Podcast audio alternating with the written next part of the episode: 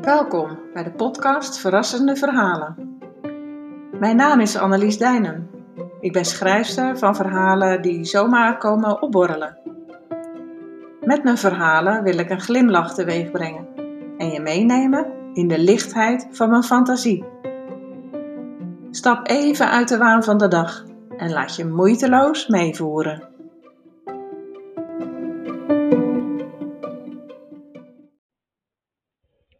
Je luistert naar aflevering 2, Addertjescake. Het was bepaald geen straf om op deze zomerse dag even wat op te moeten halen in Vaassen. Het is een uurtje of anderhalf rijden en betekent Veluwe en goede herinneringen aan fijne vakanties met tent, kinderen en vrienden. Gedachten aan een jaar of dertig geleden komen boven. Fietsen door het bos een ijsje bij Rozenboom aan de rand van de Gortelse hei als beloning, zowel voor ons als voor de kinderen.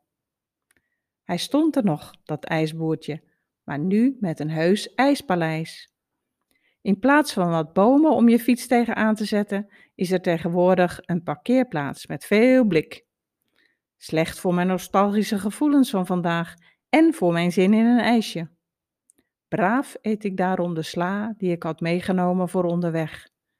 Tijden veranderen. Zo'n dertig jaar geleden ploegden we hier in de felle zon door het mulle zand op onze fietsen, volgeladen met kinderen, boterhammen en picknickleden. Net als vele anderen, want de Veluwe was in de zomervakantie file fietsen voor jonge gezinnen. Ook die tijd is voorbij. Ondanks de vakantieperiode zie ik nauwelijks jonge gezinnen. Wat er langs fietst is grijs en elektrisch, of jong, strak en zeer sportief. De twee kleine meisjes die bij Rozenboom een ijsje eten, zijn uit een geairkoelde auto geklommen. De voornaamste reden waarom ze op een van de houten bankjes voor het ijspaleis zitten, is dat ze niet mogen lekken op het leer van papa's bolide. Even later op de brink in Elspeet lonkte de cappuccino onweerstaanbaar. Ik vroeg of ze er ook iets lekkers bij hadden. Eten en vooral het uitproberen van dingen die ik niet ken is een van mijn grootste liefhebberijen, moet je weten. Mijn spontane ingeving bij het woord addertjescake was dan ook om te zeggen: Ja, doe die maar. Oh, kent u die niet? vroeg de serveerster, alsof het ging om een heel bekende lokale delicatesse. Uh, nee, was mijn antwoord. Haar blik verried dat er een flinke adder onder het gras zat en spontaan maakte ze me daar deelgenoot van. Dan moet je wel heel erg van chocola houden hoor.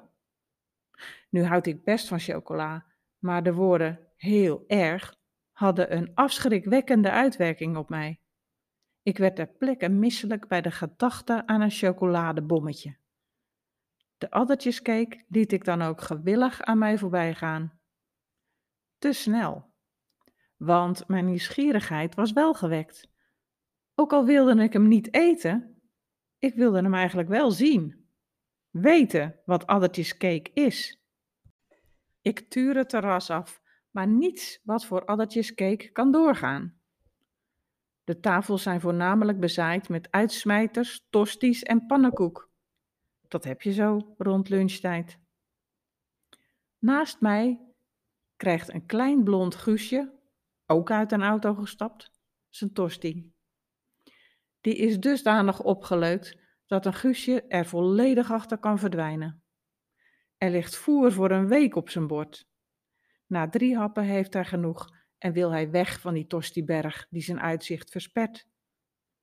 Mama, papa en opa en oma zijn voorlopig nog niet klaar met hun overladen borden en hun gebabbel. Zo te horen wordt Guusje vandaag van attractie naar terrasje naar volgende attractie gereden. Hij krijgt een vanille-ijsje, zodat hij braaf nog een poosje op zijn te grote stoel blijft zitten knoeien. Het is een aandoenlijk kereltje dat ik wat leukers gun. Door het bos rennen met een boterham in zijn vuistje, de kaas die er afvalt en met bosgrond en alweer tussen het bammetje wordt gepropt. Stel je nu eens voor dat Guusje, als ze straks door het bos rijden, ineens moet plassen of zo. En natuurlijk is er geen toilet in de buurt.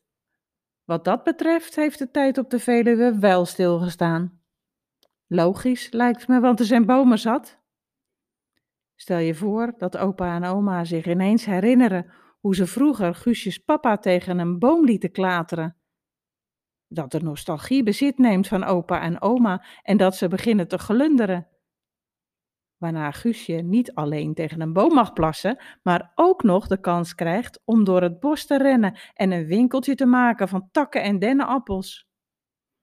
Dat ze hem soep leren koken van modder met blaadjes dat ze een verwonderde Guusje laten kennismaken met al dat kruipende kleine gespuis waar de bosgrond van wemelt. En dat er tenslotte nog een geplette boterham onderuit de rugzak komt als hij honger heeft gekregen van al dat spelen. Dat lijkt me nou leuk voor Guusje. Maar voorlopig zit hij aan het tafeltje naast me. Al langer dan het duurde om, onder het genot van een cappuccino, een verhaaltje te schrijven. In tegenstelling tot Guusje, die zich duidelijk verveelt, heb ik nog mijn nostalgische herinneringen aan voorbije tijden. En ik heb Google. Zodat ik toch nog ontdek dat ik de serveerster niet goed heb verstaan. Niks addertjescake. Niks lokale delicatessen. Maar gewoon arretjescake. Uit Limburg.